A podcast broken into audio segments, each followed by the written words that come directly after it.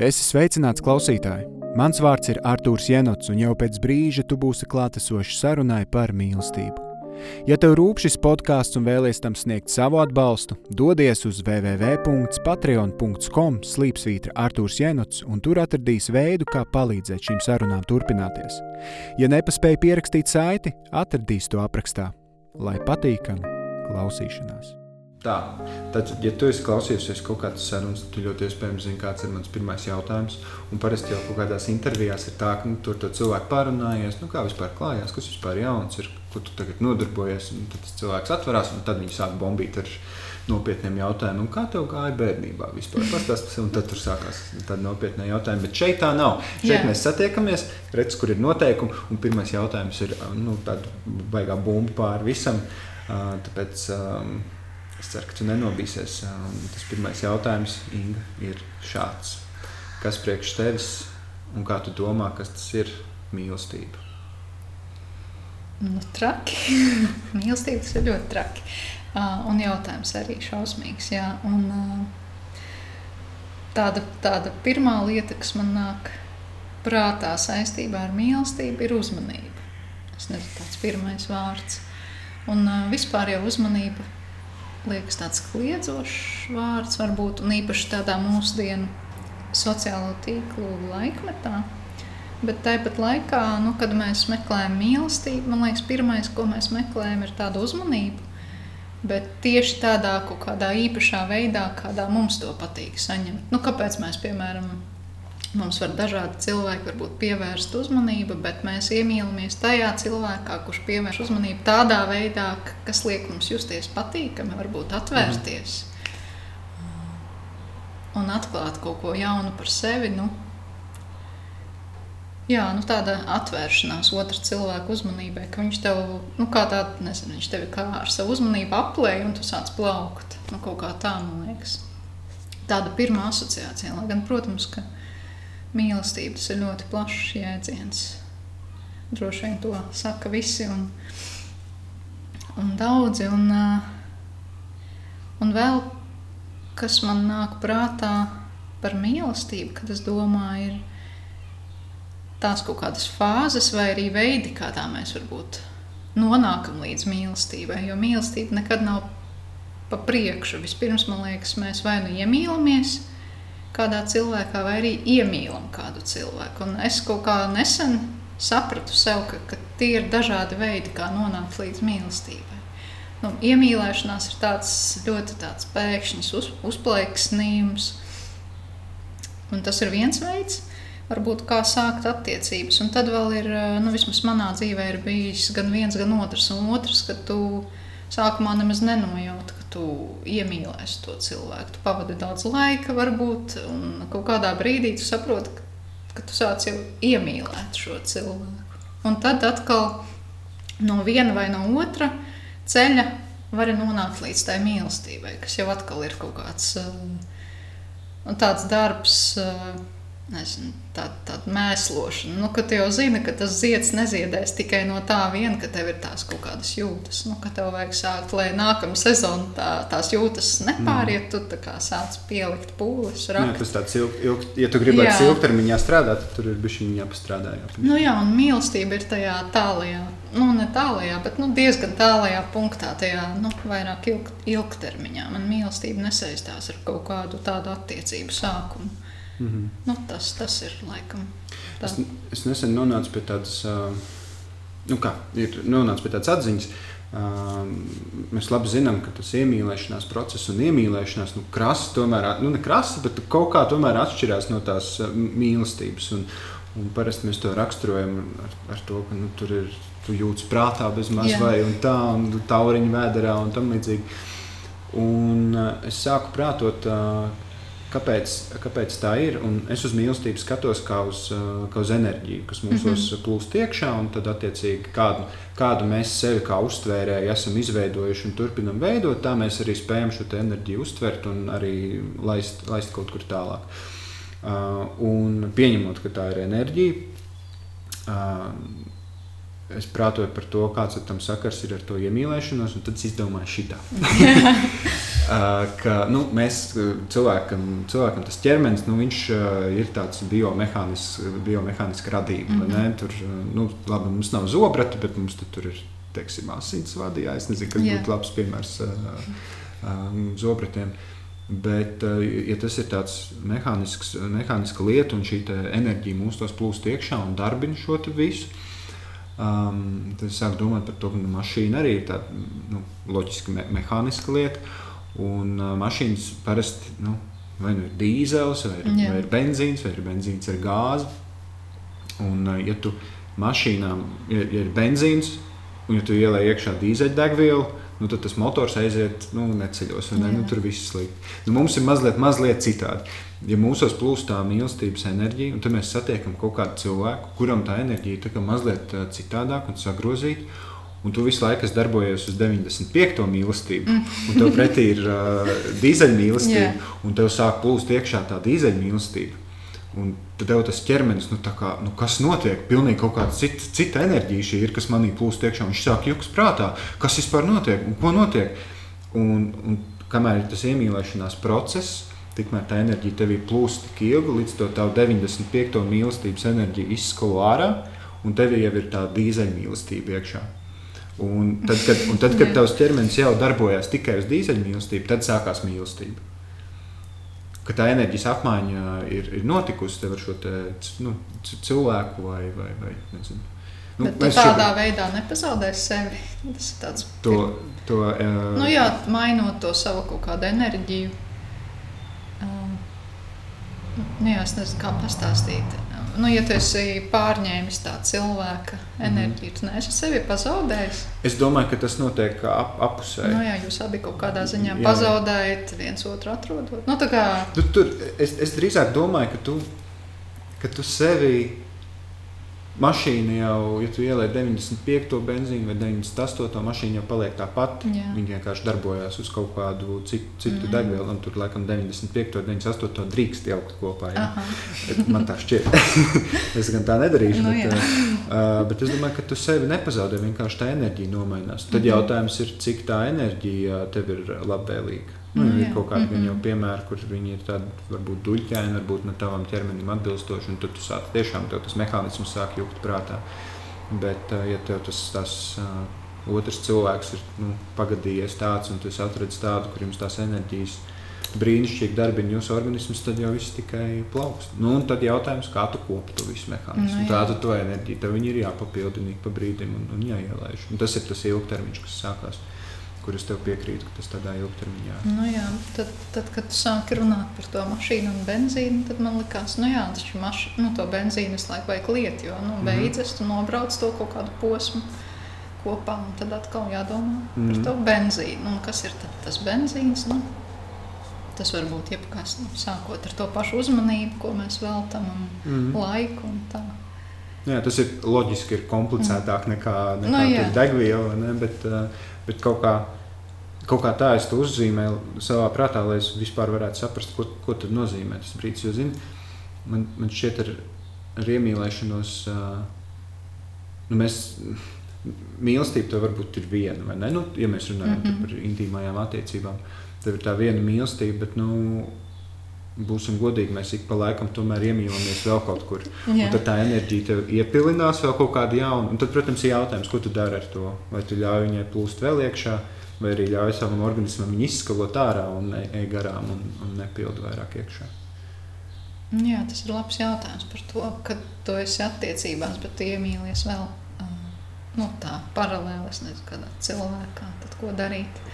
Jo, nu, tā, tā ja kopumā ņemot, ja cilvēki visu laiku būtu tikai ar tiem cilvēkiem no jauna, kuros viņi iemīlas, tad tās visu laiku būtu ļoti īsas attiecības. Kā, mm. nu, pārējošas. Kā, tad atkal nav tā dziļuma, līdz kuram var aiziet. Nu, tās mīlestības tad savā ziņā nekad arī nebūs. Kas ir tāds dziļākais? Tu pieminējies par to dziļumu, mīlestības, cik, cik dziļi tu esi aizgājusi. Nu, kas ir tavs tāds atklājums, tāds, nu, nu, ka tu negaidīji, ka var būt arī šādi. Ka tik dziļi tu esi bijusi un varbūt arī šādi. Nu, es domāju, ka dziļums man saistās personīgi ar kaut kādām pat varbūt bailēm. cik tu, tu pieeji pats sev caur to otru cilvēku. Un, un, un ne tikai š, šādā veidā, bet arī bailes no tā. Nu, vismaz man, man pavisam nesen šajās dienās bija tādas pārdomas par to, kāpēc ir grūti būt kopā ilgi. Tāpēc, ka mēs kaut kādā ziņā apnīkam sev, ka mēs esam vienādi. Nu, piemēram, ar vienu un to pašu cilvēku mēs jūtamies nu, tādi kā vienādi, un ar katru cilvēku mēs esam atšķirīgi. Mēs nogurstam no tās, no tās sevis versijas, kāda mēs esam ar to konkrēto cilvēku. Un, un lai, uzturētu, lai transformētos laiku, ir jāiegulda milzīga enerģija, nu, lai visu laiku būtu interesanti ar to cilvēku. Nu, man tādas ilgākās attiecības bija 13 gadus. Nu, tās bija diezgan ilgas. Jā. Nu, tad vienā brīdī tu nonāc līdz kaut kādam punktam, ka tu ļoti no, nogursti pats no sevis. Varbūt. Un tas, un tu vienkārši nevari vairs to, to sevi izturēt. Es nezinu, tas ir kaut kā jocīgi, varbūt izklausās. Bet, bet es par to aizdomājos tieši, kad biju Kaunijā, tajā Marinas Abramovičas izstādē, kur viņai bija tā, tā skaistā performance arī sāpīgā, nu, kur viņa ar savu dzīves biedru izdomāja šķirties. Viņi gāja pa to lielo Ķīnas mūri 90 dienas viens otram pretī, lai nu, beigās izšķirtos. Nu, viņi vienkārši gatavojās šādā veidā tam šķiršanās brīdim. Tad es domāju, interesanti, nu, kādas viņiem tās pārdomas rodas tajā, tajā 90 dienu laikā. Tu vari varbūt 60 reizes pārdomāt, vai izdomāt, vai tu šķirsies, vai tomēr nē, vai tu gribi. Vai Nu, tā, ko tev nozīmē tās attiecības. Vienkārši tāds simboliski. Uh, simboliska performance, kas raisīja ļoti daudz pārdomu arī man pašai. Kāpēc cilvēki vispār šķiras? Nu, kā, ja viņi sākumā bija viens otru atraduši un viens otram bija īstie cilvēki. Nu, tā, kas vispār ir īstais cilvēks? Kā tev šķiet, kas ir nu, īstais? Vai ir tāds īstais, vai jebkurš var būt īstais?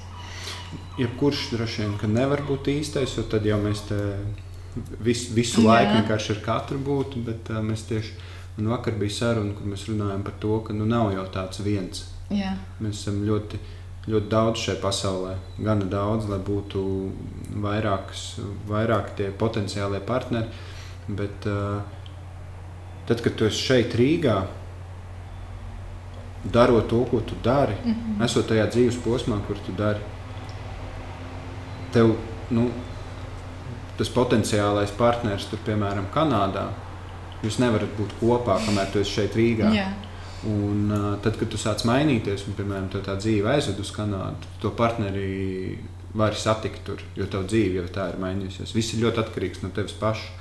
Bet tie, tie potenciāli mums ir krietni vairāk. Tāds viens īstais nav. Nu, es tam piekrītu. Jautājums, cik tu, jautājums, cik tu ilgi ar katru no tiem partneriem, kāds ir tas jūsu laiks, cik jūs pavadīsiet kopā, būsiet kopā un gribēsiet būt jā. kopā.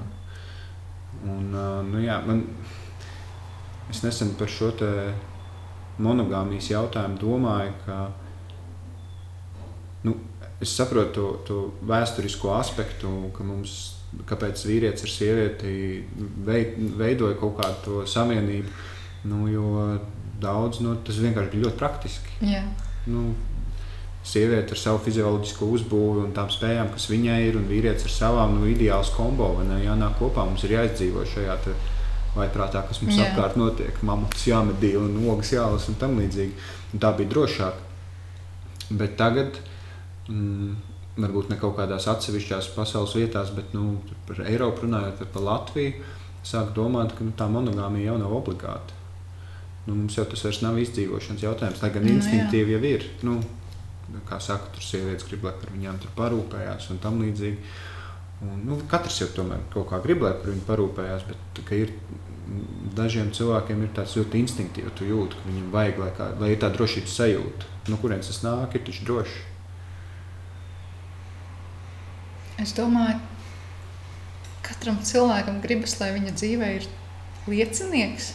Kā, man liekas, nu, tas nezinu, kaut kad es par to tā domāju, ka, ka tu bezmaz vai jūti, ka tava dzīve ir Nevis nevajadzīga vai kaut kā nepamanīta, bet tev kā- gribas tomēr dalīties, lai kāds,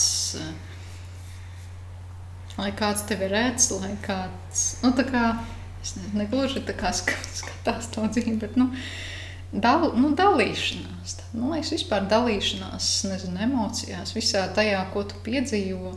Nu, bieži jau taču saka, nu, ja tu neesi ar kādu padalījies, nu, tad gandrīz vai tas nav noticis. Tā, Mm. nu, un gribas, lai tava dzīve ir notikusi, lai tev ir kāds, kāds cilvēks, ar kuru, kuram pastāstīt vai padalīties savās emocijās, vai nezinu, kam paraudāt uz pleca, ar ko pasmieties. Un tāpat, ko tu teici, enerģijas apmaiņa. Nu, ja es visu laiku vāros tikai savā enerģijā, nu, cik tālu es tur tikšu. tā kā. Pie kādām atziņām vispār savā dzīvē es varēšu nonākt. Man jau liekas, tā īsta izaugsme vienam cilvēkam var būt tikai caur otru. Nu, pat ja tas nav ar partneri, bet arī caur draugiem, un ka mēs dalāmies nezinu, pieredzē, arī tāpat nezinu, savā ziņā ceļošana. Tā ir arī tāda apmaiņa. Nu, ka visu laiku vajag to, to dažād, nu, dažādību, vai Mhm. kādas jaunas pieredzes, jaunas zināšanas, kā mēs varam paplašināt sevi gan iekšēji, gan nezinu, ārēji, maņas. Nu, tā es, es, es ne, nezinu, vai cilvēks var tā īsti izaugt pilnīgā izolācijā. kā. Nu, kā, kā, kā mēs tagad runājam, ja tu visu dzīvi nodzīvo viens, noteikti, ka nu, tu vari būt gudrs. Un, nu, protams, ka ir zināšanas, ir augstskolas un tā, bet, bet tāds attiecību viedums tomēr arī ļoti svarīga lieta, man liekas, cilvēka Mm. tādā ā, izaugsmē, pašizaugsmē, nezinu, skatā uz dzīvi un arī pieņemšanā. Pašā sākumā tu jautāji par to, kas ir mīlestība, un tad tagad man nāk prātā, ka viena no tām lietām ir noteikti tāda spēja pieņemt otru cilvēku, ka viņš ir atšķirīgs, ar citām emocijām, citām pieredzēm, dažreiz ir tik grūti pieņemt, nu, ka cilvēks dusmojas par kaut kādām citām lietām. Nu, mēs nedusmojamies par vienu un to pašu. un Tad vienam jāpieņem tās vie- vienu dusmas, otram otra. otra un, kā, un, un par pilnīgi katru emociju tev, nezinu, tu ej cauri ne tikai savām, bet vēl otru emocijām. Un Tā ir dubultā pieredze. Mm. Tu esi bagātāks caur to otru cilvēku, lai gan tas ir grūti nu, Mm. kaut kādā ziņā. Nu, jā, mums jau vispār vienam ar otru ir nu, reizēm grūti. Jā. Gribēt, un negribt. Vai tie ir draugi, vai, vai, vai ģimenes locekļi, vai tavs mīļotais cilvēks. Nu, ir kaut kādas grūtības, tur būs tāda harmonija pilnīgi, ka tur jūs dusmojaties pa vienu. Un, Nu, jā, jā tieši tā. viens otram, ka jā, man arī tur besīja jānās uz picām vai vienalga. Kas. Bet, um, ko es gribēju par šo te vēl teikt? Nu jā, nu cilvēks ir tāda sociāla būtne. Es tev piekrītu par to, ka mēs nu, ja dzīvo viens pats, vai tu spēj, spēj vispār izaugt un attīstīties. Ir kaut kāda robeža noteikti. Kaut, kāds, kaut kāda griezti, kurus tu sasniedz, un, un, tu, tu, un tad tu sāc malties tajā savā sulā. Nu, laiku. Bet par to, ka mīlestība ir ilgtermiņā, bet kā tad, lai tu saglabā to, mm, to ilgtermiņu, ja jums paliek garlaicīgi? Nu, tas sevi? jau ir jū... à, nu, nu, tas, ir tāds, tas jau ir tas attiecību uzdevums. Rūpēties par to, lai pirmkārt nepaliek garlaicīgi ar sevi. Nu, un tad, ja tev nebūs garlaicīgi ar sevi, visticamāk, tev arī nebūs garlaicīgi ar otru. Nu, man tā šķiet, ka, ka vienmēr jau jādomā uh, par to. Un, un ja kādā brīdī tev ir garlaicīgi, tad visticamāk tu esi atbildīgs par to. Vai vismaz nevis varbūt pat nejūties, bet tev jāuzņemas tā atbildība. Ko tu vari darīt, lai nu, tev pašam nav garlaicīgi. Tā kā, tad nu, jāskatās uz tām visām kaut kādiem uz, tav, uz saviem dzīves aspektiem. Un, bet tādā attiecību kontekstā, nu, protams, ka attiecības, tāpēc ir attiecības, ka ir jābūt kaut kādai appusēji vēlmei. Nu, piemēram, ja jūs abi saprotat, vai pat ja viens jūt, ka ir garlaicīgi, nu, tad jāsāk runāt ar otru, nu, ko mēs varam darīt. Kā- Kāpēc ne, pēkšņi vai, vai kādu laiku jau ir garlaicīgi un nezinu, tad Un kāpēc agrāk, piemēram, nebija garlaicīgi? Mm nu, kaut kāds brīdis taču bija, kad bija interesanti. Nu, uz Galu galā jūs kopā esat. Jā, nu, kaut, kaut kas jūs notur, vai, vai kurā brīdī jūs palaidāt kaut ko garām un neieguldījāt pietiekami daudz darba vai uh, nezinu, kaut kādus savus notikumus neveidojāt. Vai... Jo tas jau arī tā kā mēs bieži plānojam dažādus darbus. Un, Un mums ir pilni plānotāji ar darbiem, bet tādā attiecību kontekstā jau arī visu laiku jādomā, lai būtu interesanti, nu, lai mm. būtu izaugsme, kādi notikumi mūs vieno, kas mums viens otrā patīk, nu, kā mēs varam to nezinu, izbaudīt vairāk, nezinu, vest, vien, ievilkt kaut kā viens otru savos notikumos. Un, Protams, ne tā mākslīgi. Tam, nu, kā jau saku, ja, ja, ja vienvirzienā tādā ceļā nu, nekas nenotiks. Jā, tāpat jau tā attiecības agrāk vai vēlāk izirs. Ja tikai vienam būs interese to, to garo laiku nu, galināt nost, nu, vajag, vajag to abu cilvēku interesi. Mm. Tāpēc, tāpēc jau ir tik maz tādu il, ilg, ilgu attiecību kopumā. Nu, Nezinu, cik pavērojot apkārt cilvēkus, ļoti daudz šķiras. Pārsvarā nezinu, pēc četriem, pieciem gadiem, bet, nu, ja ir kaut kādi 10, 15 gadi, tās jau skaitās diezgan ilgas attiecības. Nezinu, kā tev apkārt ir, cik, cik tas novērojis tā tādas ilgtermiņa attiecības, nu, tādas garas, ilgstošas, un, un lai, lai nezaudētu arī to kvalitāti, jo nav jau galvenais noturēt to mm. ilgumu. Mm. Jā, tas tā pašmērķīgi. Nu, jā. mm. nu, man apkārt ir, ir vai nu tā, vai nu ir kāds, kas ir ilgi kopā, un tur jau tā ģimene arī paplašinās, mm -hmm. vai, vai ir tādas attiecības, kas ir kaut kur iestrēgušas, un, un viņas vienkārši ir. Mm, ir jau labi, bet, bet arī tur tā. Viņas tā vienkārši iet uz priekšu, arī tādā, tā viņas veļās, un tas sniegt bumbu lielāk nepaliek. Un ir tādas, kas vienkārši neveidojas, jo cilvēki negrib. Es uh, skatoties uz kaut kādām ve, nu, vecākām paudzēm, tur nu, manu, manu mammu varbūt nē, manai mammai mm, 50 palika tikko. Mm -hmm. Bet nu, tur viņas, viņas uh, vecāki, nu, tur, uh, viņi, un tā ir paudzē, nu, tās attiecības jau nu, tur ir dekādēm. Jā. Un tikai reti, kurās, kuras izjūg. Un tur ir tieši nu, tur ir tāds, pirmkārt, ne tikai pamatīgs iemesls, jo lielākajā daļā to attiecību ir pamatīgs iemesls, lai viņas pārtrauktu. Vienkārši tā nav pieņemts. Un tad ir tie pelēkie, ne, bet tie baltie zirbuļi, kas, kas nu, beidzot izlēma vai neizšķirties, un tad tie ir tādi dīvaini vispār, ka viņi ir izlēmuši tā darīt. Un, un tā, mans mammas paudzē jau arī laikam kaut kas līdzīgs ir manā mamma ir tāds baltais virbulis. Viņa, ja nav, tad nav. Mm -hmm. Tā viņa vienmēr ir teikusi. Ja nav, tad nav. Bet uh, nu, tad ir tādi, kas izvēlas neveidot jā, vispār. Jo nav tas, nav tas instinkts, laikam, vairs tāds, kas tev dzen uz priekšu, ka vajag. Ka būs drošība, ka būs nu, pajumta, būs ko ēst. Un tā, un cilvēki pat neizvēlās iet tādu ceļu. Jo grūti atrast.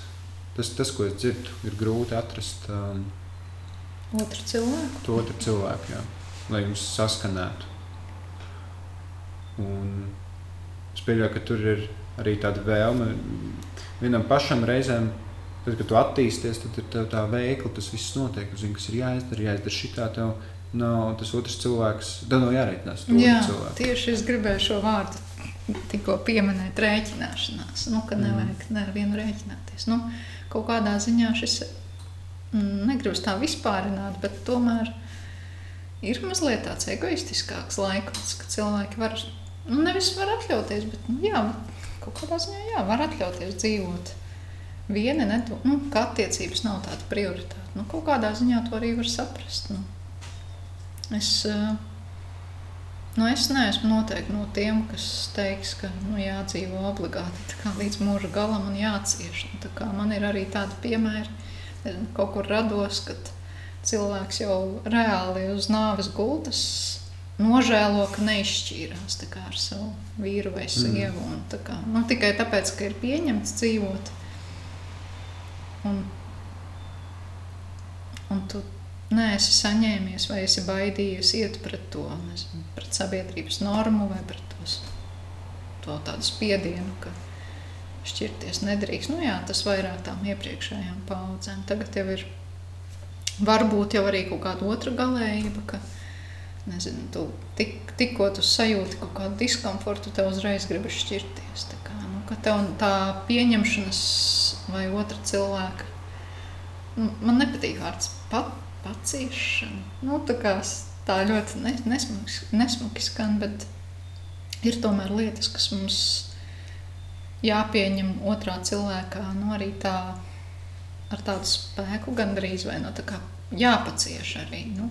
Mm. Tā ir tāda iztur, nu, izturības kaut kāds pārvaldības vai, vai samierināšanās. Nu, ka tās kaut kādas sliktās īpašības vai lietas, kas nav mūsu īpašības, kas nav mūsu favorīti, varbūt tajā cilvēkā, nu, ka visu mūžu tev tās būs jāpieņem. Nu, mm. Nekur jau tās neizzudīs. Un, un katrā cilvēkā, ar ko mēs būsim kopā, būs tā, tā, tā tumšā puse vai negatīvā. Nu, sā, sāc kā gribi. Man it kā nepatīk tā baigi dalīt pozitīvās, negatīvās īpašības, jo katra īpašība var būt pozitīva un negatīva, bet tomēr ir kaut kādas lietas, ko grūtāk pieņemt. Un, Un, uh, un tad cik ilgi mēs varam pieņemt? Mm -hmm.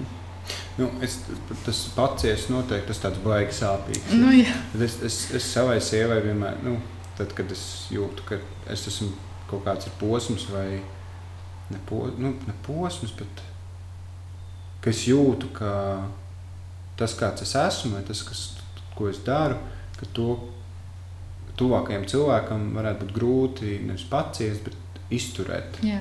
Jo tas, nu, jo tas ietekmē to otru cilvēku. Vai tas ir, um, nezinu, man reizēm patīk strādāt pa naktīm. Mm -hmm. Tad viņai jāiet ir gulēt vienai pašai. Viņai nepatīk gulēt vienai pašai. Nu, viņai ir jāiztur tas, jo tas, esmu, tāds, tas ir Jā. kāds es esmu. Un, nu, tā nav varbūt tāda negatīvā īpašība, bet vienkārši tas, kā, kā tas ietekmē to otru cilvēku. Tas jau no kuras perspektīvas tu skaties. Man jau ir brīnišķīgi, man liekas, ka tā nav slikta īpašība. Jā. Un gan jau varbūt kādam citam cilvēkam arī šķistu tieši tāpat. Ja es būtu kopā ar citu cilvēku, varbūt tam cilvēkam tas būtu tāds nu, bet... o, cik tu strādīgs. Nu, forši, vai, wow, cik, nu, nu, kā tu ieguldies? Nav, ne? nav jāiztur, Jā. kamēr citam cilvēkam tas atkal kaut kas tāds, kas ir jāiztur. Bet um, par to, es par to esmu domājis. Um, bija kaut kāda piemēra no dzīves, kur ir divi cilvēki kopā, un tas viens cilvēks grib, lai tas otrs mainās. Jā.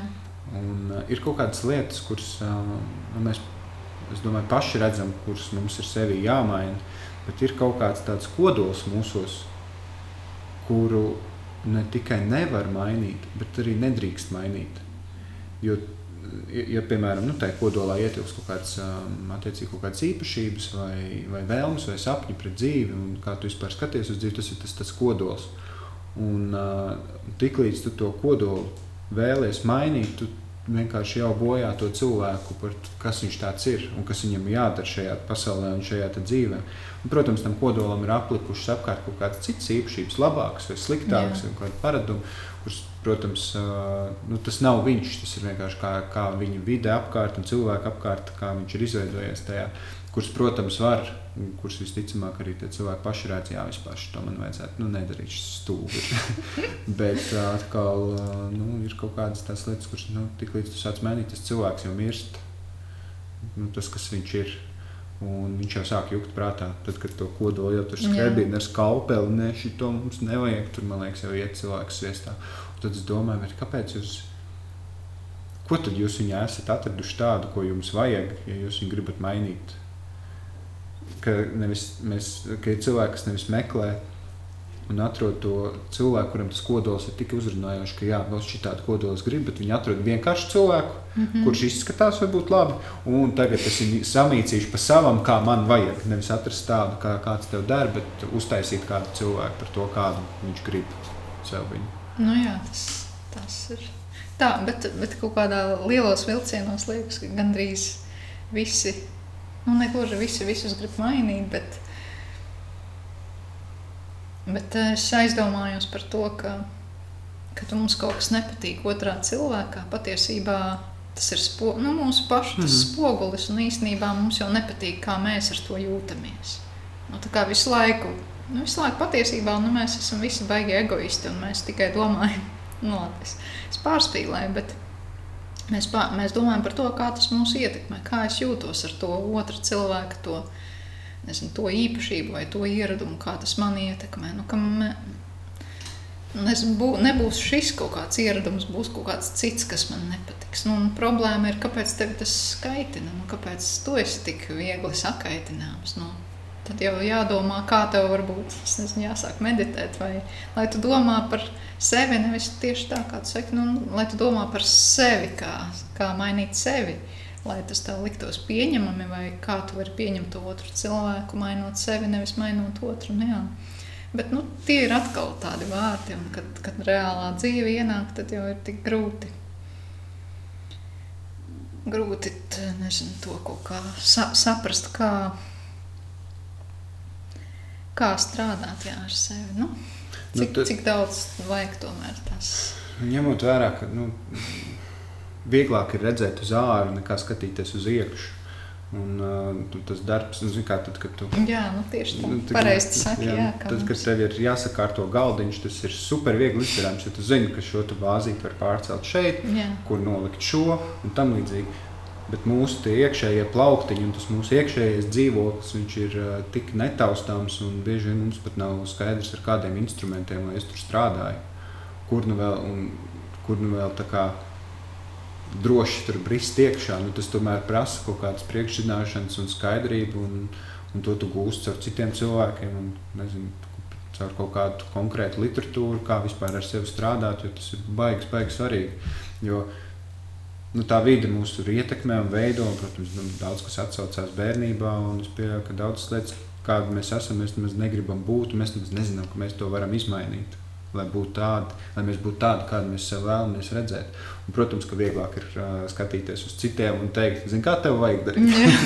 jo tas ir tik super viegli. Tev vispār nekas nav jādara. Tev ir vienkārši jābūt idejai. Un kā tas šī tā būs rītīgi labi, un tev viss izdosies. Lai tev veicās. Jā, žēl, ka mēs tā tiešām, nu tā kā, nu kā viens otru mēs varētu pakomentēt, un tad mēs zinām, jā, kas mums jādara. Mm -hmm. Vienkārši pamainīt, jā, nu, jā. tas būtu tik vienkārši. Tik vienkārši. Jā. Jo tu tam otram arī saki, nu, klausies, tev vajadzētu būt tas, nezinu, nu, kārtīgākam. Jā. Tev vajadzētu tur mantas sakārtot kārtīgi. Ar tam otram cilvēkam viņam tas nav tāds, nu, ah, nu skaidrs, tam man vienkārši tas ir jāsaka. Tas ir kaut kur jāskatās iekšā, jā. kā ar to strādāt, kā to uztaisīt, kā ieradumu, kā sev pieredzināt pie tā, ka ir jābūt šādam. Tas ir smags darbs. Nu, jā.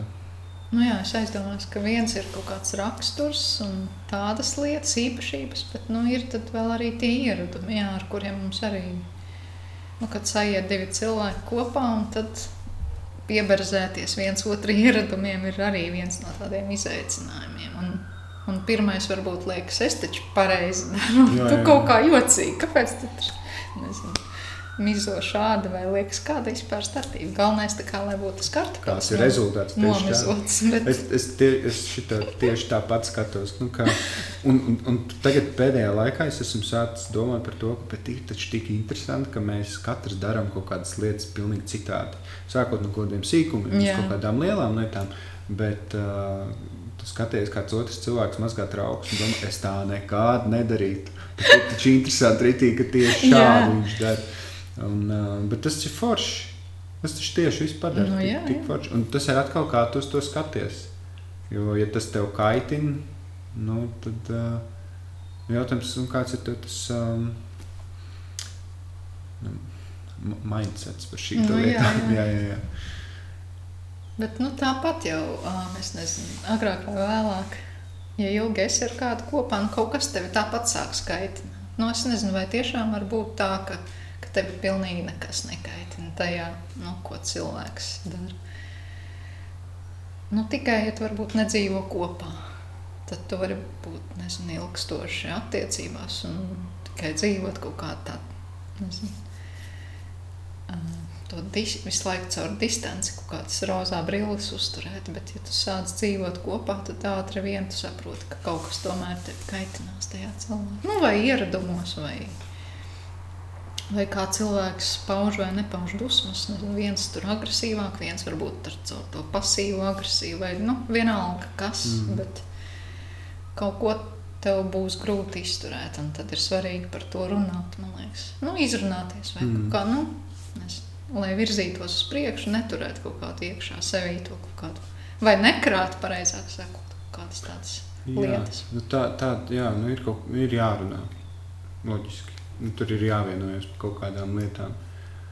Un tad ir tas otrs, nu, ko, cik daudz ielaidi sevi iekšā. Tās lietas, kuras tev tā kā. Nu, tā, atskatoties, es redzu, ka ir kaut kādas lietas, kas man sadzīvē no otras puses kaitinātu. Bet tagad, kad mans prāts ir mazliet mierīgāks un krietni pieņemošāks, man ir nav pat vienalga, bet ir tāds Un tad no sava kosmētikas māka pārcelt to ķēmi uz otru kosmētikas māku. Kāpēc viņš te ir? Nav loģiski, ka viņš te ir, bet tāds ir tas cilvēks. Jo es arī saprotu, mans kosmētikas mākslas stāv pa tuvu visiem pārējiem. tas ir parocīgi. Jā. Bet uh, kaut kādās, es domāju, citā dzīves posmā tas man būtu tāds, varbūt pat kaut kāds triggers, uh, uzsākt kaut kādu lielāku sarunu vai pat kašķinu, kad škā moda tev ir savējais. Tad es, es izaugu tik tālu, ka es krietni mierīgāk uztveru visas lietas, un es vienkārši pārceļu. Man pašam rēcīgi, ka viņš tur ir. Jā, bet es kaut kā ienācu prātā, nu, tik daudz jau tev diezgan to sarunu ir bijis. Es nezinu, man, man pirmais, nu, labi, divi jautājumi. Pirmais man bija impulss pajautāt, kāpēc tev interesē šī tēma vai mīlestība vai attiecības? Vai varbūt kā, ko tu gribi caur šīm sarunām? Iegūt. Un otrais, kas man tikko nāca prātā, kamēr tu runāji, nu, vai tu esi saskatījis kaut kādas it kā banāli, bet nu, tomēr sieviešu, vīriešu kaut kādas atšķirības, kā, kā viņi uztver, vai sievietes tomēr ir emocionālākas. Un, un to, tāpēc varbūt attiecībās ir grūtāk kaut kā vienam otru saprast. Nezinu. Nu, man tomēr liekas, ka sievietes nezinu, biežāk un vairāk varbūt dusmojas, vai, vai varbūt nevis biežāk dusmojas, bet pauž savu emociju tādā atvērtākā veidā. Mm -hmm. um, es droši vien sākšu to otro jautājumu par, uh, par tām atšķirībām. Tie visi vīrieši, ar kuriem es esmu runājis par šo mm, podkāstu, viņi, viņi tomēr Es, tas nav uzbrauciens, Jā. bet uh, es domāju, viņi atšķirās no vidējā vīrieša. Uh, tas varbūt ir kompliments.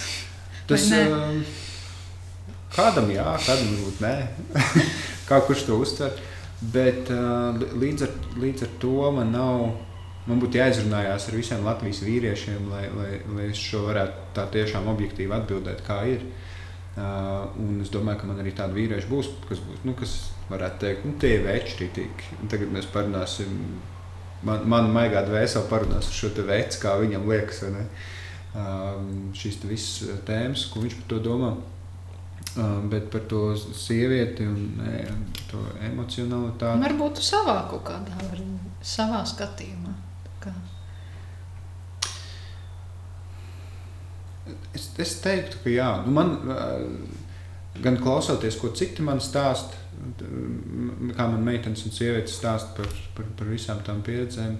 Nu, tas, es negribu arī baigi tur ielikt visus stereotipos, bet uh, šķiet, ka tāda ir tā sieviešu pasaule. Mm -hmm.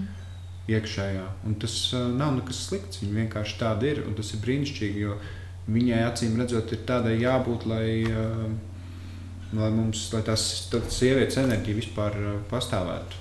Tāda, jo mums mm -hmm. ir vajadzīga, absolūti. Mums ir tāpat kā vīrieša enerģija, Jā. ir vajadzīga, ir vajadzīga arī sievietes enerģija, un vajadzīgas arī šīs jauktās enerģijas, kur, ir, um, kur vīrietis ir ar kaut kādu sieviešu enerģijas pieskaņu Jā. mazliet, bet joprojām ir vīrietis. Vajag sievieti, kurai ir mazliet krampis, vai ne, kā mm -hmm. saka, un viņa ir uzsist dūri galdā un pateikt, kā vajag. Sievietes ir brīnišķīgs vadītājs, un tāds Jā. mums arī vajag. Un, un visam ir sava vieta. Un, ja viens no šīs pasaules stūrakmeņiem ir šīs enerģijas stūrakmeņiem, ir sievietes emocionalitāte, tad viņai tādai ir jābūt un mums ar viņu ir jāstrādā, jāsaprot. Un reizēm jāpielāgojas, reizēm jāpasaka, jau šī tā nevar. um, jo mans pilns stāv prātā viens mans bijušās kolēģis sacītais, ka, ka sieviete ir vizionārs, viņa atnāk mm. mājās, viņa pasaka, kā vajag, un, un vīrietis ir tas darītājs, kas to izdara. Un te nav runa par to, ka sieviete ir galvenā. Yeah. Te ir, tā ir, te ir runa par sadarbību. Un ka vienam ir tā ideja, un vīrietim jau arī ir idejas. Viņš jau papildinās to, to ideju, un viņi vienosies, kā tam jābūt. Tad vīrietis izdarīs. Un tad vīrietis sešas mēnešus nedara, bet viņš izdarīs tad, kad viņš to izdarīs. un, uh, ir tādi vīrieši, ir vīrieši, kas izdara uzreiz, un viņam tas nav jāsaka. Un cik nu, baigi dažādi tas viss ir. Un, un tad ir uh, šis viens no tiem sieviešu rakstura lielumiem par to, ka viņas reizēm nepasaka, kā ir. Un ka viņas grib, lai tu saproti, ah. vispār ne, nepasakot. Un, uh, ne visām tā, protams, ir. Tas nav viss, viss nav vienā maisā liekams. Tā kā vīrieši nav viss vienā maisā liekam. Un tas arī kaut kas tāds, ar ko strādāt. Un kā, kā vīrietis spēja audzināt uh, sievieti, nu, sakot, uh, hei, saki, kā ir, Jā. lai es saprotu. Un, un tad sieviete audzina vīrieti, darot kaut ko, ko tā, tu beidzot izdari šo, jo tas ir svarīgi. Un, um, Un vēl viena tāda lieta, es par šo nesu, nu, šis ir jautājums sievietēm. Es uh, neesmu simtprocentīgi pārliecināts, tas ir tas, kas man ir teikts, bet kas sievietēm ir ļoti nepieciešams, uh, lai tā enerģija arī darbotos un kultivētos. Ziniet, tie draudzīgie sieviešu kolektīvi. À, izrunāties kaut ko tādu. Ka, nu, ka, ka vajag kaut kādas tās intrigas, un vajag kaut ko tur pavērt. Nu, ne, līdz, ne līdz sarkanajām mm -hmm. līnijām, bet ka kaut kāda enerģija, kaut kā tā enerģija tiek kultivēta šādā veidā. -hmm. Un tur radās, protams, tas slavenais draudzīgs sieviešu kolektīvs, respektīvi, tur čūskas salsījušās, tur visiem jānost. Um, protams, ir kaut kāds dra, drausmīgs stāsts un nevajadzīgs drāmas un tam līdzīgi, bet ka kaut kur to asumiņu ik pa brīdim tur vajag piešķirt. Un kaut kāda fiška tur arī ir. Tas, tas par to, ko es esmu kā, saklausījis un, un, un kā es saprotu, kā ne visas, bet attiecīgi katrā sievietē kaut kas no tā viss ir. Un par to jautājumu, kāpēc vispār šis te notiek.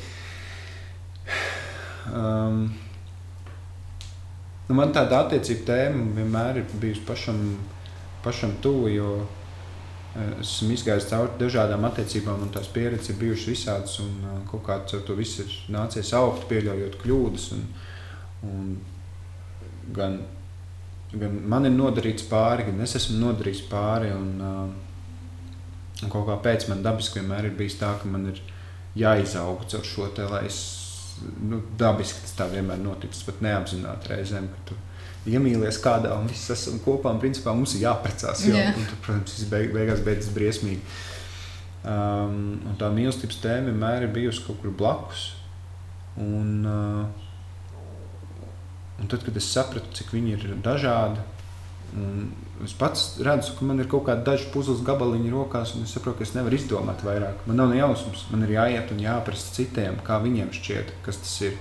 Un ne tikai no tādas attiecību puses, bet arī no, no tādas garīgās puses, no ezotēriskās puses un vispār šķietināt vaļā, kas tas īsti ir. Jo tās nav tikai attiecības. Jā. Tas ir kaut kas krietni, krietni vairāk un krietni. Es negribu teikt, lielāks par mums, jo tas uzreiz tam piešķir kaut kādu tādu labi. Dievišķi. Die, tas, tas, tas, es, pie, es esmu diezgan pārliecināts, ka tam arī ir dievišķa nozīme. Bet es negribu mūs nolikt zemāk par to. Es domāju, ka mēs esam tādā pašā līmenī, tādā pašā jaudā, paši to nesaprotam. Augst, tas ir nevis augstāks par mums, mēs vienkārši to neķeram. Lai Jā. saprastu, ka mēs esam vienā līmenī un skatāmies acīs mīlestībai. Uh, un, Un tam ir tik daudz dažādas tās šķautnes, ka gribas to saprast, izprast, kā ar to vispār strādāt. Jo nav jau runa tikai par attiecībām ar to mīļoto cilvēku. Ir runa par attiecībām ar visiem, kas mēs esam šeit apkārt. Un saprotot šīs lietas un, un tos raksturlielumus, kas tur ietilpst, kas ir tā cieņa, kas ir tā pieņemšana, saprāšana otru, tu jau tu, tu paliec pats labāks un spēj pret citiem attiekties labāk. Un, ja tu spēj pret citiem attiekties labāk, un viņi, nu, un viņi savukārt šo pārņem no tevis un attiecās pret citiem labāk, nu, mēs tādā ķēdītē kļūstot labāk, tā pasaule viss kļūst labāk. Bet, lai mēs to lai mēs to izdarītu, mums ir jāsaprot, vispār, kas, kas tas ir un kas, kas tie ir par raksturlielumiem. Un um, nav jau tā, ka mans mērķis ir nodefinēt vai pārdefinēt Jā. mīlestību vai kaut kā tamlīdzīga. Vienkārši saprast pašam, lai es varu dot. Un, ja kāds šo te klausās, tad tas cilvēks arī sasūta sev šo informāciju, izlaiž caur sevi, pats padomā. Un, un, un tad kaut kā pats mēģina atrast to ceļu tajā visā. Jo cilvēki jau kas te nāk, nu, ne tu esi eksperts, ne es esmu eksperts, un neviens no mums nav. Bet uh, mums tas ir ļoti, ļoti vajadzīgs šo izcināt pašiem un saprast. Lai mēs būtu labāki un pasaule kļūtu labāka. Un tā mums tas puzles gabaliņš ir jāliek kopā. Jāskatās gan no praktiskās puses, gan no ezotēriskās puses, gan no garīgās, emocionālās, no visām šautnēm, kuras mēs varam atrast. Un, un tā, un tāpēc. Bet tu esi tāds ideālists vai nu, es domāju, mīlestība tomēr tāds. Nu, es nezinu, kā tu pats saki, tāds kaut kas augsts un cēls. Un, nu, runāt par to šodien. Kad nu, reāli, nu, kaut kādā ziņā pat tas negribētu teikt, nodrāsts jēdziens, bet man, piemēram, es tagad uh, to trešo grāmatu rakstu, un man redaktors teica, centies lūdzu to vārdu mīlestību tik bieži nelietot. Nu, cik var tā kā, nu, kas tas vispār ir? Nu, un tad -hmm. es par to arī tā aizdomājos, mīlestība, mīlestība. Daudziem cilvēkiem jau ir tā kā tāda kā alerģija pret to vārdu, jo, jo tā varbūt kaut kādā ziņā tiek pārāk idealizēta. Nu, nu, kas ir mīlestība? Mīlestība viss tur apprecās, izšķirās. Nu, kur tad palika tā mīlestība? Tā kā, nu, kādā, es, es, protams, mazliet pārspīlēju, bet man tāpat ir arī kaut kāda ciniskā daļa manī arī. arī nu, Varbūt manī ne tik daudz, bet varbūt pat vēl citos cilvēkos, kuri varbūt vispār netic mīlestībai. Kas tā ir? Tāda? Nu, tā, kā, kā tu par tādiem varbūt viedokļiem? Es nezinu, vai tu esi saskāries savā, savā podkāstu kontekstā. Vai? Es uh, esmu uzrunājis cilvēkus, kas man ir teikuši, ka viņi par šo nevar runāt, jo kas viņu, viņu dzīvēs mīlestība ir. Uh, nu, nav viņu dzīvēs. Viņi nesaprot, kā, kā es viņus vispār varu aicināt man tieši jūs vajag. Jūs saprotat, ka jūs esat daļa no tā visa. Jā, nu, tieši man, man, tieši tā man nedara, man nedara tikai tādi no malas varbūt pareizi Jā. viedokļi un pārdomas par to visu. Man vajag, nu, Es zinu, ka tas nav iespējams, bet man vajag visu šo savākt. Lai... Nu, visu spektru. Visu spektru. No neticu līdz ticu. Līdz, nezinu, līdz tā ir manas dzīves jēga. Tie, tieši, tieši tā, jo mm, mīlestība ir uh, krietni plašāka nekā mēs redzam filmās. Nekā mēs uh, īpaši Holivudas. īpaši Holivudas. Tā ir tikai daļa no tā visa. Un, un tā, um, bet par to, par to ideālismu un par to nodrāstu jēdzienu mīlestību, un es tevi mīlu. Un amerikāņi taču visu laiku saka, ka viņi visu Jā. mīl, un tam līdzīgi, kas ir vēl viena mīlestības daļa. Tas nekas, ka mums šeit liekas, ka viņi to pat daudz saka, bet viņi kaut ko jūtu, to sakot. Um, Pat varbūt, mēs... piedod, es, te, es domāju, varbūt pat nejūt, bet viņi tā kā to kā, kaut kādā ziņā vairo to kaut kādu enerģiju, nu ne enerģiju, bet nu jā, kaut kādā ziņā manifestē uz, lai tas, tieši, lai tas tā. nav, lai tu nevis negatīvā vairo, bet mīlestību caur, kaut vai caur vārdu. Tieši tā, jo, jo mēs, piemēram, to maz sakām. Līdz ar to nu, nav tā, ka mēs vairojam naidu, bet mēs tāpat laikā nevērojam to mīlestību. Nu, tas ir vēl viena galējība. Un, nu, tāda mēs esam. Mums nevar to pārmest. Mums ir visādi dažādi iemesli, kāpēc tā ir. Uh, bet uh, par to nodrāsto jēdzienu, un ka tas ir par daudz, mums nevajag to tik daudz. Viņš nevien, visiem kaitina šis vārds. Vēl viens vārds, kas visiem kaitina, ir uh, Dievs. Oh. Vēl viens vārds, kas visiem kaitina, ir Jēzus. Vēl viens vārds, kas visiem kaitina, vai, vai kaut kāda tāda doma, kas visiem kaitina, ka mums jābūt labiem pret citiem. Kā tu vari būt labs pret citiem pasaulē, kur tev katrā brīdī kāds var dūns iedot mugurā? Šis ir tik nodrāsts teiciens. Yeah. Kā, kā mēs varam runāt par mīlestību, ka ir tik daudz naida pasaulē? Kā mēs varam. Uh, Tieši tāpēc ir jārunā. Kā mēs varam runāt ar Dievu, ka mēs redzam, ka, kas notiek tajā pasaules malā un tajā pasaules malā. Kā pie vēlna mēs varam zināt, kas ir Dievs. Nu, tā mums ir tas ir, kriet, tas ir vēl viens jēdziens, par ko vēl viena enerģija, vēl viens milzīgs spēks, par ko mums ir jārunā. Mēs pat īsti nezinām, vai, vai gadījumā nav tā, ka mīlestība ir Dievs un Dievs ir mīlestība. Tad, kad mēs runājam par mīlestību, mēs runājam par Dievu, un tad, kad mēs runājam par Dievu, mēs mm. runājam par mīlestību. Mums nav vēl skaidrs, kas tas ir. Vai cilvēki šausminās dzirdot uh, Jēzus Kristu, Kristus vārdu. Tāpēc, ka šis, viss šis priekšstats par šo cilvēku ir sačakarēts, un to ir izdarījuši citi cilvēki. To ir izdarījuši katoļu baznīcā, to ir izdarījuši tajā baznīcā, un uh, tas ir krietni sarežģītāk. Bet tāpat laikā tajā kristietības reliģijā ir tik daudz vērtīgu vērtību, kuras mums vajag. Mums nav jālasa Bībele, lai to varbūt zinātu, jo tas arī ir kaut kas tāds, kas ir sačakarēts visticamāk. Bet ir tik daudz labu lietu tajā, un mēs izvēlamies iekoncentrēties, koncentrēties uz to, cik tas viss ir uh, nodrāsts un nepatiesis, un kā var vispār runāt par Dievu un Jēzu un, un baznīcu, ka ir katoļu baznīcas un viss tas uh, vaiprāts, kas tur notiek. Un, uh, man pat ļoti patīk teiciens, ka ir, ka ir dažas baznīcas, kuras nes gaismu tikai tad, kad viņas deg. Mm. Un, uh, un tas nav nepatiesi. Ir baznīcas, kur tu stāv klāt un domā, ka vispār no dieva nav ne smakas. Kā te var vispār dievs būt? Un tad ir tādas, kur tu jūti, kā vienkārši nu, tā ir. Un Jā. tas ir tāpēc, ka, tāpēc, ka cilvēks, tāpēc, ka mēs, cilvēks, tāpēc, ka cilvēks, mēs esam tik uh, dažādi un ir cilvēki, kas uh, sačakarē lietas. Ir tādi. Un viņiem gan jau ir iemesls, kāpēc viņi to dara. Neviens nepiedzimst šajā pasaulē ar tādu, tā, man būs jābūt ļaunam. Šī man, mana misija būs šo visu sačakarēt. Vienkārši tā vide ir tāda, kas tam cilvēkam Viņi jau ir sačakarējuši citi cilvēki. Diemžēl. Un nu, tad jā. viņš attiecīgi čakarē citus tālāk. Un, un, um, un par šo visu vēl runājot, man, man viena draudzene teica, ka viens mācītājs esot teicis, ka ja mēs neatradīsim veidu, kā runāt par Dievu citiem vārdiem, ar citu nosaukumu par to, mums, mums būs baigi sūdīgi. Jo problēma jau nav tajā par augstāku spēku, jo ir cilvēki, kas kristietība, reliģija vispār kā tāda, nē, nē, nē, dievs, nē, nē, nē. Bet zini, kas ir jaudīgi? Visums gan ir jaudīgi. Ah, yeah. nu, tas ir pilnīgi cits vārds, un mēs neesam vēl īsti pārliecināti, vai mēs gadījumā nu, tas nav viens tas pats.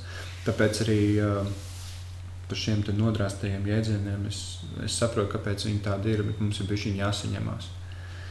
Un, uh, jāsaņemas un jāsaprot, ka tas ir tas virziens, kurā mums ir jādodas. Ne, mums tur nevajag, tur nevajag būt kristietim. Tev nevajag attiecības, nevajag apprecēties, lai tu kultivētu mīlestību. Tas ir tik plaši un, un lieli. Un tikai tā mēs šo pasauli varam padarīt, uh, padarīt labāku un attīrīt no tā visa vaiprāta, kas mums te ir tik tumšs apkārt. Un tad pat laikā mums arī tā tumsa jāsaprot, jo viņi jau var grib izdzīvot. Un tā, tas tāds baigi komplicēts un viss savijās viens kopā un cilvēks tam visam pa vidu un kaut kā mēģina to visu, visu kaut kā dīlot.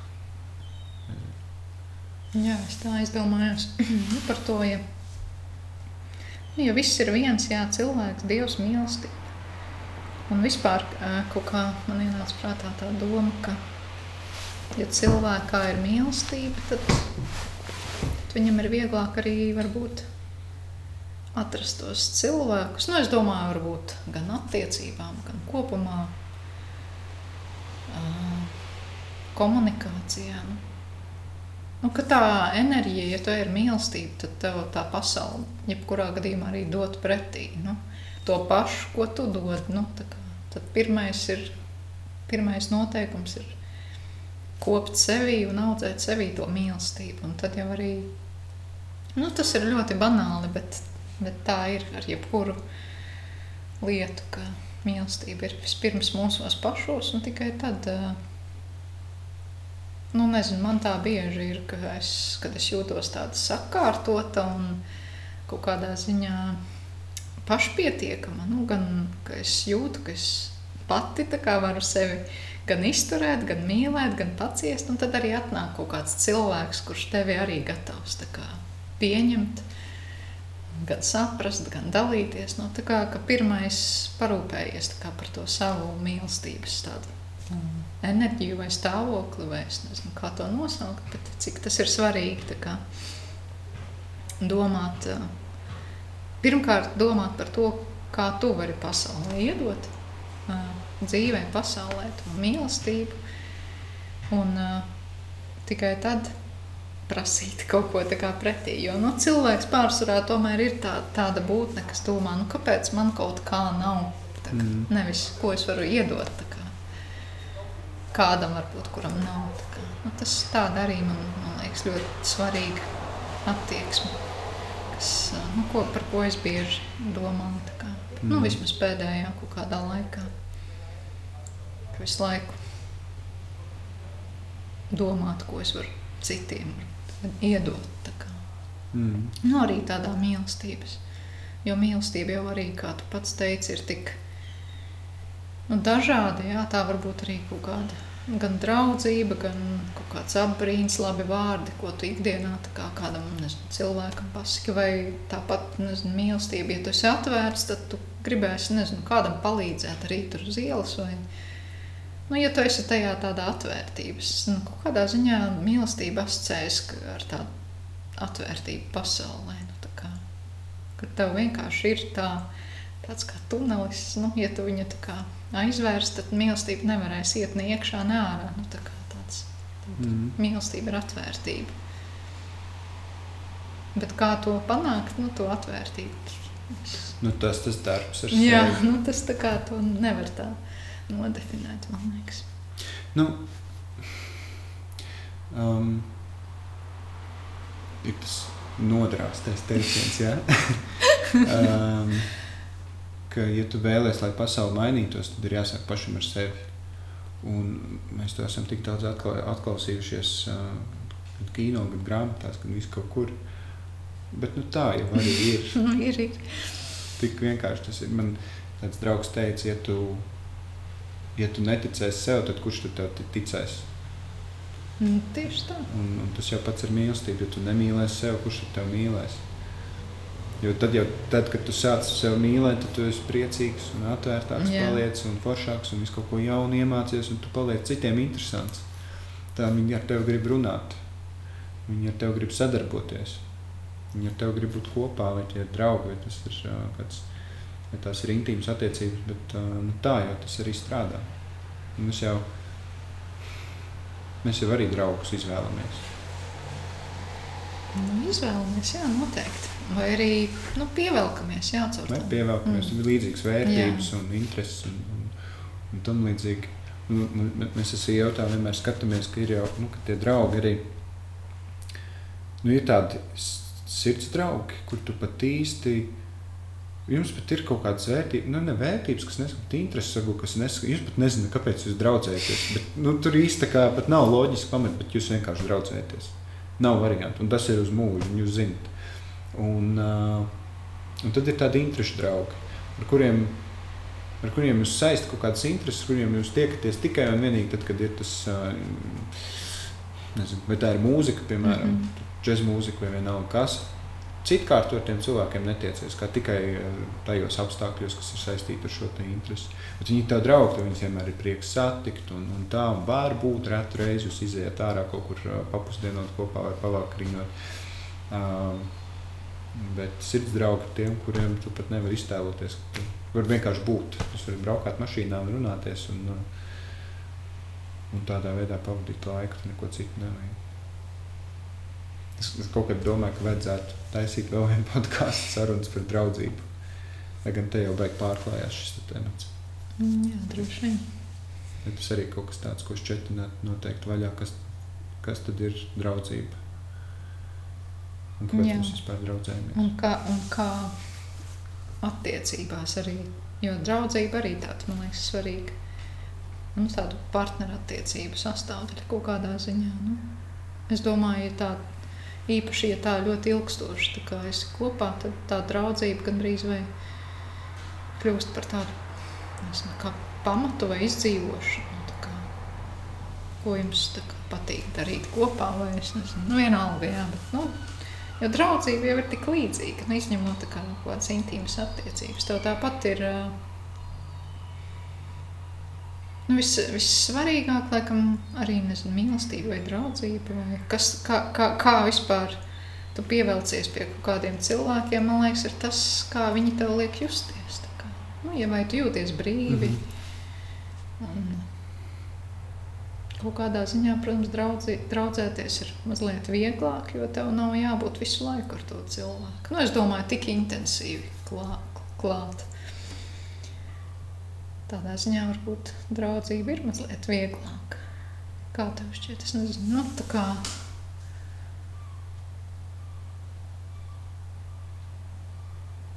Vai tev, vai tev liekas, ka partneru attiecības arī ir sava veida draudzība, vai tomēr tas ir kaut kas pilnīgi cits? Es, es domāju, ka ir. Tur kaut kādas paralēlas jau tur vēl kāds vienkārši nāk visādi bonus vēl klāt. jo draudzība jau arī prasa Jā. visādas lietas. Nu, tā,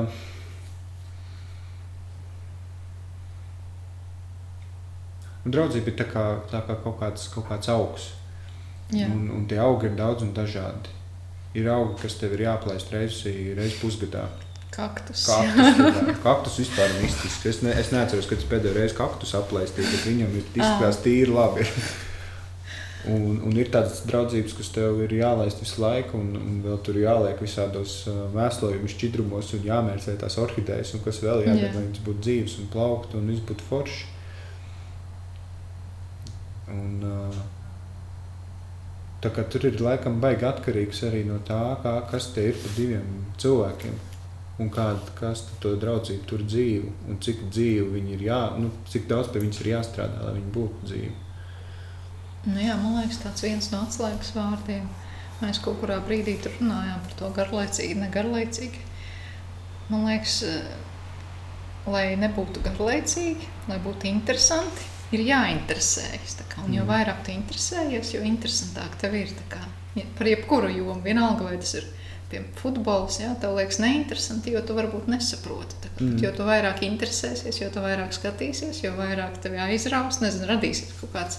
Nu, varbūt, ja tas galīgi nav tavs, bet nu, tāpat jau ar cilvēku varbūt galīgi nav tavs, tad jau tu nesāksi kā vispār runāt vai interesēties. Bet, bet ja tas ir kaut kādā ziņā tava kaut kāda joma vai tavs cilvēks, tad tur strādā šis princips, ka tu iedziļinies, interesējies, un tad tas viss dod augļus. Tev ir nu, aizvien interesantāk. Nu, tāpat kā varbūt līdzīgi šīs sarunas. Nu, nezinu, nu, tā kā Diez vai tev bija tā, ka pirmā saruna tur uh, beidzās, un tev likās, ka nu, viss tā kā vairs nav interesanti. Nu, visticamāk, jo vairāk tu par to runā, nezinu, jo, jo kāda gan enerģijas apmaiņa, jo vairāk tu uzzini, un tev rodas vēl kaut kādi jautājumi. Nu, tā ir tā interesēšanās, kas Mm. tev dod to, to kaut kādu atpakaļ, um, to saiti vai to, to, to in, interesantumu. Nu, tā, Mm. tā kā. Nu, vēl arī kā tu jūties ar to cilvēku. Nu, tas ir Nu, tāds tāds kompleksāks, jo varbūt, nu, kā tev tas cilvēks liek justies, jautājums, vai tas ir, um, vai tas atkal nav par tevi. Viņš tev liek justies slikti ar to, ka viņš, piemēram, aug un attīstās, un savukārt tu nē, un tad viņš sāk besīt ārā. Mm. Un tad, Nu, varbūt tāpēc, ka tu neattīsties, un tev kaut kāda kompleksa radās, un tad tas cilvēks besī ārā. Vai arī viņš tev liek justies slikti, jo viņš tev brutāli liek justies slikti Jā. un uh, izturās kaut kā tā, kā tev liekas, tas nav baigi forši. Tev jājūtas labi noteikti ar draugu. Un tāpat arī tas partnerattiecībās, jo gribi justies labi tam cilvēkam. Un tā ir tā mie miera osta. Tā jābūt tai miera ostai. Jā. Vismaz pārsvarā. Nu. Jā, jā. Nu, tad tajos Jā. brīžos, kad tas ir vajadzīgs. Jo Jā, atkal miera ostā jau baigi garlaicīgi arī. tieši tā. Tāpēc Mm. vajag tur arī mazliet drāmas. Nu, vai drāmas, vai Mm. strīdu, vai vienalga, kā to nosaukt. Jā, jā. Lai, lai arī kaut kas sakustētos. Un kaut kādā ziņā jau caur konfliktu mēs arī pārsvarā varam izaugt. tā kā. Nu. Mm. Un tā jau tu konfliktēt ar sevi, tur jau, nu, ja tu esi viens pats un tu konfliktē ar sevi, nu, tur tā atbildība nav tik liela. Tu vari pārtraukt jebkurā brīdī, jo viss ir no tevis atkarīgs. Tā vi- es beigšu sev pārmest par lietām. Un, un turpināšu darīt, kā es daru. Tu, to otru cilvēku tu tā neapturēsi pat reizēm sakot, nu beidz man pārmest Jā. šito. Un tad tev jādomā, ko darīt ar to. Tas pārmetums ir sakarīgs vispār, vai nē, vai tev tas šiem nāks tas pa labu. Tas atkal tas kodola jautājums ir, vai tev vai tas tev nebeidz nost to, kas tu esi? Kā tev šķiet, ja baigs karš īpaši šajā laikā uzbūrta aina, bet ir, ir, ir, ir kara lauks un ir tā kaut kāda tumšā puse, kas ir. Kad vispār pirms, pirms, pirms tam, kas tev liekas, kas ir antonīms mīlestībai? Mīlestības Kas ir tas? prombūtne, nu, neesamība. Nu, es nezinu, tā kā. Un kas tas ir? Kas ir tas pretstats mīlestībai? Pretstats ir. Es negribētu teikt, naids vai karš vai kaut kas tāds. Lai gan tas visticamāk to izraisa mīlestības trūkums, vai tas, ka tu neesi saņēmis mīlestību, vai tas, ka tu nezini, kas ir mīlestība, vai ja tu neesi mīlēts. Tad vai... tas ir tukšums. Nu, tukšums, jā, nu, kad ja mīlestības nav, tad tas ir tukšums. Vai nu kaut kāda gandrīz vai nevērtības sajūta, ko tu gribi piepildīt ar kaut kādām kaut kāda bezmaz vai atriebība, ka tu neesi saņēmis kaut ko. Bet nu, tas visticamāk notiek tādā neapzinātā līmenī. Un, un es negribētu arī teikt, ka, ka cilvēks drīkst to darīt, ja viņam nav tās mīlestības. Viņam visticamāk, nu, ideālā gadījumā būtu tas jāapzinās un jāstrādā ar sevi. Un, mm. un kā jau mēs Nu, bērnībā varbūt to grūtāk saprast un realizēt, bet kaut kādā apzināta vecumā mēs jau apmēram saprotam, ka nu, kaut kur mēs kaut ko neesam saņēmuši, bet tad, ko mēs varam darīt, lai, lai nezinu, strādātu ar sevi un kaut kā to nu, vai kompensētu, vai sāktu domāt, kā sevi sākt salabot vai saremontēt. Bet, nu, kopumā Es nezinu, kāds bija tas jautājums. Kas ir pretstats? Nu jā, pretstats tukšums. Jā. Nav mīlestības. Nu, viss jau rod, visas problēmas dzīvē ir no tā, ka nav mīlestības. Nu, es domāju, ka, mm -hmm. ka tā netiek saņemta. Nu, nav vienalga, vai tas ir bērns vai partnerattiecības. Nu, ja, nu, mēs tā mēdzam teikt, ka nu, šeit ir baigi apskāviens pietrūcis cilvēkam. Um, vienkārši par to domājot, ja mēs, es neesmu īsti pārliecināts par to, bet ja mēs pieņemam, ka tas pretstats ir, eh, ir naids, um, kas varbūt tā nav, jā, bet mm -hmm. pieņemsim, un, un, un tas naida, tas ierocis ir, ir zobens. Kā tev šķiet, kas ir eh, mīlestības ierocis? Tādā labā nozīmē ierocis vai Nē, nu, man mīlestības ierocis jebkurā nozīmē vai jebkurā kontekstā. Nu, tā ir tā pati uzmanība, ko es teicu pašā sākumā. To arī ar uzmanību pāršaut pār strīpu, nu, tā kā vai atgrūst, bet to var arī pievilkt ļoti. Mm -hmm. nu, tā, bet, uh, jo kas ir mīlestība? Nu, mīlestības trūkums ir kaut kādā ziņā uzmanības trūkums. Mm. Mm -hmm. Tāda Tāda, nu, es tevi redzu, sajūta, es, tu, tu te esi, es te esmu tā klātesamība. Tā kā vienkārši. Bet, nu jā, es pat nezinu, kā ir ar to, kas, kas, kas ir tāds naids un vai, un kā, piemēram, es nezinu, to kompensēt. Nu, ja cilvēku, kurš izjūt naidu, kā atvilināt atpakaļ uz to mīlestības pasauli. Vai tas ir iespējams? Tas, tas ir vienkārši. Es, es skaļi domāju, es nezinu. Jā.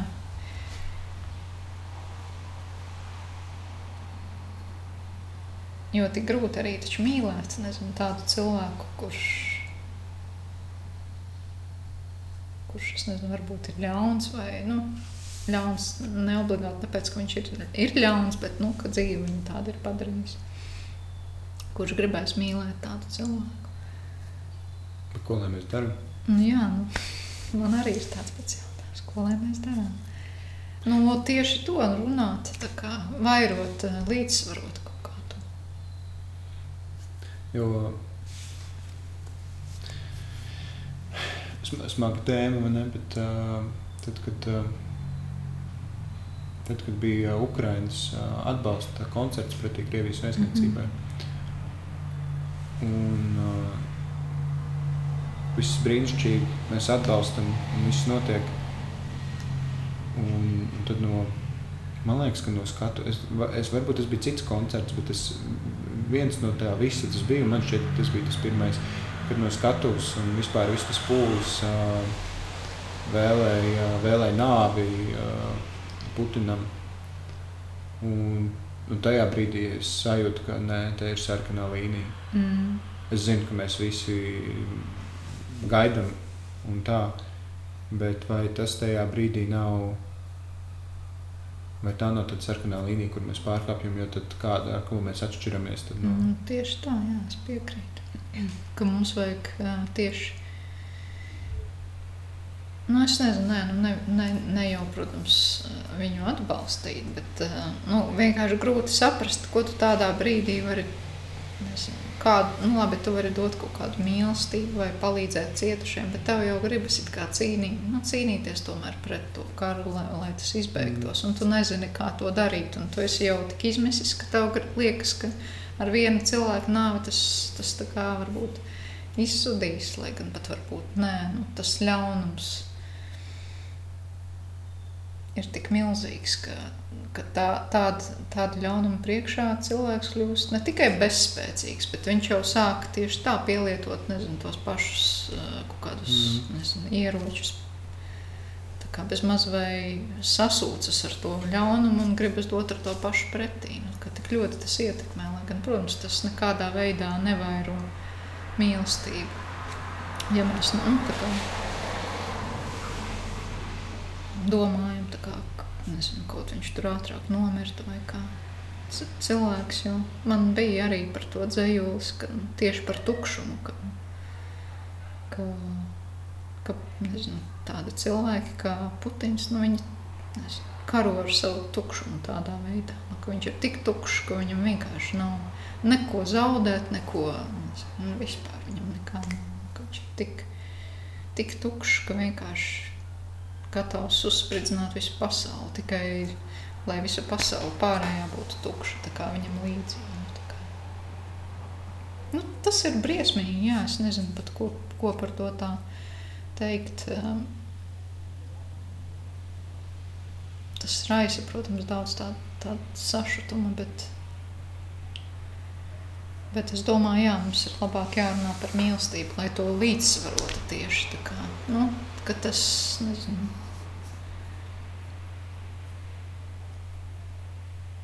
domāt par ļaunumu vai kā, satraukties par to.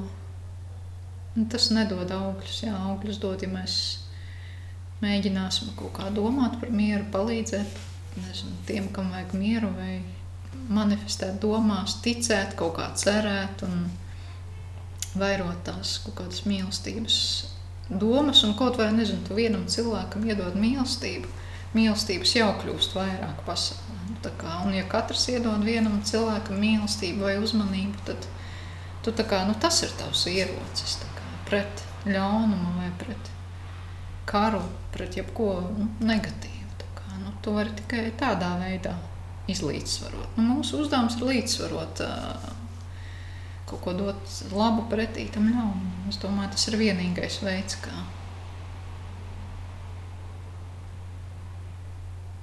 kā mēs varam kaut ko labu izdarīt.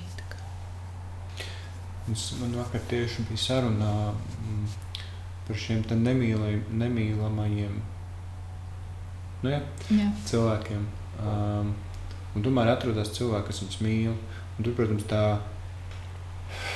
kāds teiks, nu, kas tā pa mīlestību tur ir pieredums. Jo, nu, kā tur tādu cilvēku var mīlēt, kurš tur emocionāli dara pārreizēm, pat fiziski. Un, un, um, un tā, un tad es domāju, ka, ja mēs iztēlojamies to kā kaut kādu karu lauku, kur ir tā fronte, tad tie ir tie cilvēki, kas ir tajā frontē pašā priekšā. Un tie ne, nu, tur pašā priekšā nav gaļas gabali, kurus vienkārši vajag novākt nost, bet te frontes priekšā ir uh, visstiprākie no mums, kas vispār šo var panest. Viņiem dara pāri visu kaut kā, un, dzēn viņus ar vien zemāk un zemāk, bet viņi joprojām tur ir, viņi joprojām mīl. Un, protams, paši nesaprot, kas un, mm. kas un kāpēc, un netiek no tā arī nemāk no tā tikt ārā. bet stājās acis pret aci ar to, ar to tukšumu, ar to, ar to tumsu un ļaunumu, kas tur ir tajā cilvēkā otrā iekšā. Nu, es nezinu, man, man tas kaut kā rada kaut kādas vai neveselīgas, vai nu, tas, ko tu noraksturoji tās attiecības ka kāds nezinu, var mīlēt cilvēku, kurš viņam dara pāri. Nu, man tas liekas, tā visticamāk, tās ir kaut kādas atkarīgās attiecības. Nu, nav normāli un nav arī vajadzīgs mīlēt kādu, kurš tev dara pāri. Jo mīlestībai jau arī tik dažādas tās formas, ka mēs nezinu, kaut kādus kompensēšanas mehānismi, kad mums vajag, vai arī nezinu, no bērnības pieredzes, kad ir kaut kāda negatīva pieredze, tad mēs tālāk dzīvē spējam kaut kā uztvert vai realizēt tikai viena veida kaut kādu modeli. Nu, kad ir reāli esi atkarīgs gandrīz vai no tā, ka tev blakus kāds kas tev dara pāri, jo tev liekas, ka tā ir vienīgā mīlestības forma. Nu, kad tu mhm. vispār neesi redzējis citu mīlestību, nu, tā ir mīlestība. Tā tu varbūt esi uzaugusi un tādu Un kamēr tu varbūt neieraudzīsi, ka ir kaut kāda vēl cita, labāka, normāla mīlestība, tikmēr tu visu dzīvi malsies caur tieši tādu modeli. Nu, kamēr, nu, bet tas, nu, tas noteikti nav veselīgi. Un, un jo ātrāk to sapratīs nu, cilvēks, kurš ir tādās attiecībās, jo labāk. Nu, jo ir kaut kādas iespējas tālāk mainīt vai, vai izaugt. Bet nu, par to, kas tajā frontē ir priekšā, par to gan es nezinu. Kā, nu, es vienkārši par to grūti man spriest. Jā, vai, vai tur ir cilvēki ar ideāliem, vai tur ir cilvēki, kuriem nav ko zaudēt, vai ir sajūta, ka nav ko zaudēt. Vai... Nu, es nezinu, ideālā pasaulē man liekas, cilvēkiem nevajadzētu karot. Mm -hmm. Nu, nevajadzētu. Nu, tas Nekādā veidā. Ne, nekādā veidā. Nu, nav nevienam jāmirst šādā veidā.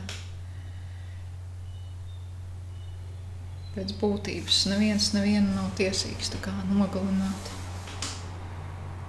Bet nu, tādā ziņā, ka Ukraiņi iet un aizstāv savu zemi, tas, protams, ir.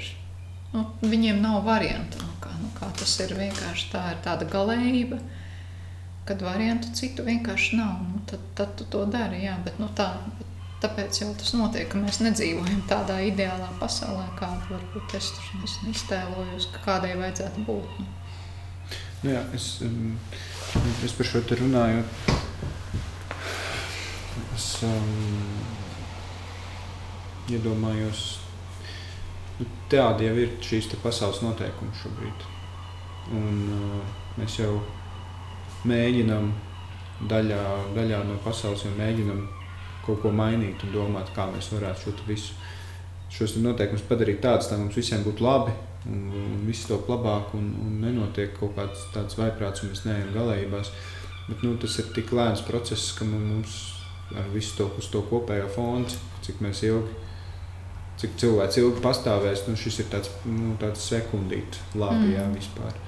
Un tas noteikti aizņem daudz laika, ize, nu, izēst ārā visus tos, tos iemeslus, kāpēc mums vispār ir viss, kas notiek. Un psiholoģija jau attīstās, un mēs vispār sākam saprast, kā mēs ar sevi varam mm. strādāt. Tas jau ir liels lēciens uz priekšu. Un, um, kaut kā jau mēs tos, bet tie noteikumi joprojām ir tādi, kādi viņi ir. Un dažbrīd, nu, dažās vietās viņi ir diezgan skarbi. Nostādīt tev faktu priekšā, nu, nav variantu. Jā. Nu, tad jautājums, vai tu spēlē pēc tiem noteikumiem vai nespēlē? Nu, jā, vienmēr var izbēgt kaut kādā ziņā no tās spēles, no jebkuras. Jā. Kā tu redzi, kas cilvēkiem gribās teikt, kas pietrūkst? Bet, ja tev būtu iespēja pateikt, tā, ka tev dzird mm, cilvēki tev apkārt. Nu, visu, teiksim, Latviju, lai mums ir bijis vieglāk saprast, jo tie mūsējie. Um, kas ir kaut kas tāds, ko tu gribētu viņiem pateikt, nu, tā, ka viņi visi dzird? Tam, tam nav jābūt citātam vai, vai frāzē, bet nu, var arī izplūst. Uh, bet kas mums visiem būtu jādzird un par ko jāizdomājas tavuprāt? Vai pie kā jāstrādā? Es gribētu, lai viņi dzird paši sevi. Nu, pirmkārt, es negribētu, lai viņi dzird mani, bet lai viņi ieklausās paši sevi. Man liekas, tas būtu pats svarīgākais. Es, jā, es, es, un lai sevī atrod to mīlestību. Vai ne tikai atrod, bet atceras, ka ir arī veidi, kā nezinu, radīt kaut kā to mīlestību vai būt tai mīlestībai pasaulē. Kad apkārt ir nezinu, karš, esi mīlestība. Un tad arī tas tālāk viss jau notiks. Ja būs, tu būsi mīlestība, tad arī tev apkārt viss būs kārtībā. Lielos vilcienos. Bet, Inga, kāpēc jāklausās sevi? Ļauj, Pēters no pūļa. Kāpēc tu vienkārši nevari pateikt, kā vajag? Tāpēc, ka kā vajag, tikai tu pats zini, Pēteri. Neviens jau nezina, kā tev vajag. Bet dažreiz varbūt ir bail nu, no tā, ko tu tur sevī sadzirdēsi. Tāpēc negribas sevī klausīties. Labāk gribas tur mūziku paklausīties. Vai... Nē, nu, mūziku klausīties arī nav slikti, bet uh, nu, es domāju tādā ziņā, ka kāpēc klusums ir biedējoši, tāpēc, ka mēs sevi sākam dzirdēt un, un sevi dzirdēt. Nevienmēr ir patīkami, bet tad jāsāk darīt lietas, lai sevi dzirdētu, būtu arī kādreiz patīkami. Pārsvarā jau mīlestības spēks ir, ir šo sajūtu radīt, lai mums ir patīkami sevi dzirdēt, redzēt, klausīties un sajust to, kādi mēs esam. Šķiet, ka mums ir tāds um, Mums ir tāda vēlme, es nezinu, no kā tas ir saglabājies, vai tie ir padomu laiki. Nu, ļoti iespējams, ka tas ir pārāk ilgs laiks, uh, lai neatstātu mūsos tādas nospiedumus. Um, ka mums ritīgi vajag, lai kāds mums pasaka priekšā. Jā, tas laikam ir kaut kas padomju. Nu, tad, tad, ja, ja, ja es pareizi saprotu, tad tur bija tā, ka nu, tu principā tu piedzimsti, tad tu izēji šī tādu skolu, izdari šito, un tad jau tev principā ir tas, ko tu vari darīt. Un Jā, tad tu tev- visu dzīvi dari. Jā, tev ir Tev nav darbs. jautājumu. Jā, Un liekas, ka tas ir tāds, nu, tāds saglabājies. Nu, mums vēl arī pirms tam, nezinu, vai mēs to maz atceramies, bet arī nu, tāda diktatūra. Jā, Mhm. Mēs to tā izvairāmies tos tā saukt, bet tad, nu, tomēr nu, tur arī nu, viens atnāk un zina, kā ir. Šitā te jābūt. Ir. Un gribās, lai kāds mums pasakā, kā ir. Un kas jādara? tā ir vieglāk, jā, nu grūti, tāpēc tā ir atbilde. Mums ir bail no tās atbildības. Nu, es pieņemšu kaut kādu lēmumu vai kaut ko izdarīšu, un es būšu pati atbildīga par to. Neviens jau negrib uzņemties to uz sevi. Ja tev kāds pateiks, tu izdarīsi, un tev nepatiks, tev būs ko vainot. Nu, kā mums jau negribas tā kā būt atbildīgiem, bet nu, tas ir, man liekas, ka tas ir vienīgais tāds godīgais ceļš, ko iet. Ja tu spēj uzņemties atbildību par savu dzīvi, tad, tad ar tevi ir diezgan labi. Viss kārtībā. Un vēl es kaut kādā ziņā gribēju pieminēt par to, ja man ir ē, iespēja uzrunāt cilvēkus. Man liekas, ļoti svarīgs ir radošums nezinu, dzīvē. Nu, to, to tas, ir, tas ir, protams, kaut kāds tāds vispārīgs jēdziens, bet Un tā ieklausīšanās sevī jau arī ir saistīta ar to, man liekas. Nu, ja tu ieklausies sevī, tu zini, nezinu, tu sāc uh, zināt gan to, kas tev patīk, gan to, kas nepatīk, gan mā, sāc mācīt, tur pateikt jā un nē. Nu, viss jau sākas ar to, ka tu kaut kādā ziņā ieklausies sevi un uzticies sev, un tad, tad tu vari arī, nezinu, vismaz manā kaut kādā dzīves kontekstā, Man liekas, es esmu saistīta ar tām radošajām jomām, jo es diezgan laicīgi ieklausījos sevī, nu, kā, kas man patīk. Un, un caur to radošumu Tas ir tā, ir tā otra lieta. Nu, viena ir tās varbūt attiecības, un otra lieta ir tas radošums. Kādā veidā mēs kā varam gan izaugt, gan, gan strādāt arī ar sevi un savām emocijām. Kā,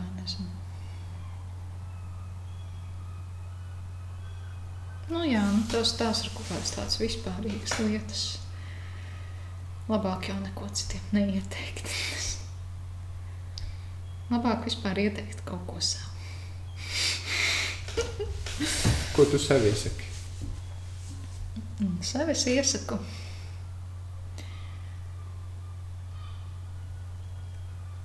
Nu, grūti pat pateikt. Jā. Tā visiem vajag viegli ieteikt. Ziniet, iesakiet jā. sev kaut ko labāku. Gribētos ieteikt tādu kā brīvību, bet arī es atkal jau nezinu, kas ir brīvība. Jo brīvība atkal ir tāda sarežģīta tēma un ļoti saistīta ar atbildību, vai cik tu vispār brīvības tur var izturēt. Nē, nu es sev vienkārši sev iesaku dzēju, lasīt, rakstīt. Tas, laikam, tā ir tā mana lieta, un arī mīlēt. Es visvairāk vispār par mīlestību man patīk runāt tieši dzējā. Man dažreiz liekas, bet es jau esmu tur visu pateikusi. Domā vēl kaut ko pateiks?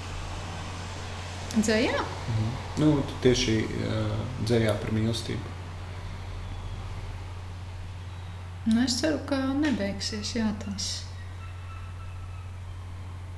Nē, nu es vispār ceru, ka ar to mīlestību manas attiecības nekad nebeigsies. Jā, ne, nevienā veidā. Bet dzēja kaut kādā ziņā paspilgtina tās manas attiecības vai satuvina varbūt ar to mīlestību. Kas vairāk par to reflektēju. Un, mm -hmm. un, uh, vispār jau es domāju rak, rakstiski vairāk, kā, lai, es, lai es saprastu, ko es par kaut ko domāju, man vispirms jāuzraksta. Un tas ir kā paskatīties gar, tādā spogulī. Ja? Nu, tu vizuāli tu vari paskatīties, bet tā, tādā iekšējā pasaulē es varu, kā, kad es izlieku to rakstīt mm -hmm. nu, uz papīra. Tad tu redzi, ja, kas ar tevi notiek, ko tu domā. Tā runājot, man īstenībā diezgan grūti izteikt domas. Mm -hmm. Jā, man, man, ir, man ir tieši tāpat. Es, uh, Es, es viņus redzu, bet es viņus nevaru. Man nav nejausmas, kā viņas, kā viņas pateikt. Jā. Bet tad, kad tu raksti, tad tu kaut kā vari tā mierīgāk, nu, tā kā zīmējot. Tā, aha, aha. Jā, nu, tieši tā. Jo, nu, man patīk, kā rakstniece Joana Didiona. Nu, viņa tieši tā arī ir teikusi. Es rakstu, lai saprastu, ko es domāju par dažādām tēmām, lietām, par mm. pasauli. Mm. Kā es citādāk varu zināt, ko es domāju, jo galvā jau viss ir vienlaicīgi. Tad Tu nevari mm. tā kā iz, nu, izkrist to. Nu, labi, sarunas arī ir īstenībā veids, kā saprast, ko tu domā. Bet, bet eh, šīs sarunas kontekstā un vispār sarunu kontekstā vienmēr ir liekas, jābrīdina cilvēki, ka es savas domas varu mainīt pēc tam, ka domas uh, ir pretruna pilnas un cilvēks vispār sastāv no pretrunām. Labāk to apzināties un atzīt un, un brīdināt. Pirms katras sarunas, šīs sarunas satura pretrunas, daudz pretrunas. nu, jā, jā, es, es kaut, kad, kad rakstīju Imperfect žurnālam par, par mīlestību. Man liekas, ka es jau tur tādu disklaimeru ieliku. Draugi, tā roč, tas, ka man ir podkāsts, nenozīmē, ka es esmu eksperts. Man nav nejausmas, tāpēc jau es eju un es runāju. Ah, Vienkārši pārmaiņas pēc ir ieslēgts mikrofons un es to tā apzināti kūrēju. Bet, nu, jā, ir svarīgi piebilst, ka pirmkārt tās domas mainās, un neviens nezina, kā īsti ir. Un, uh, un tās atbildes jau jāmeklē tāpat katram ar sevi. Mēs jau tikai runājam, un, un tie, kas šo klausās, viņi tā var pārreflektēt. Man nav nejausmas, kas šo klausās.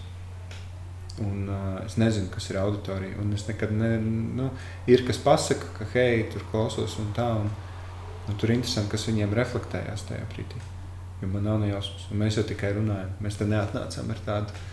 Tā mums ir šit, man ir šitais jāpasaka, šitais Jā. jāpasaka, un, un, un tā vienkārši mēs plūstam, un, un kāds šo te klausās un reflektē un kaut ko saprot vairāk, vai tieši otrādi nesaprot, bet vismaz tas ir tāds zinols, varbūt, lai saprastu. Vai tev ir vēl kaut kas tāds, ko tu vēlētos pateikt? paldies par sarunu. Es gribētu pateikt, jā, paldies, ka tu runā ar cilvēkiem par mīlestību, līdzsverošo pasauli ar, ar mīlestības gan jēdzienu, gan mēģinot izprast, kas tas ir. Jā? Super. Paldies. Gan, ka novērtēji, gan, ka piekriti. Brīnišķīgi. Un tā.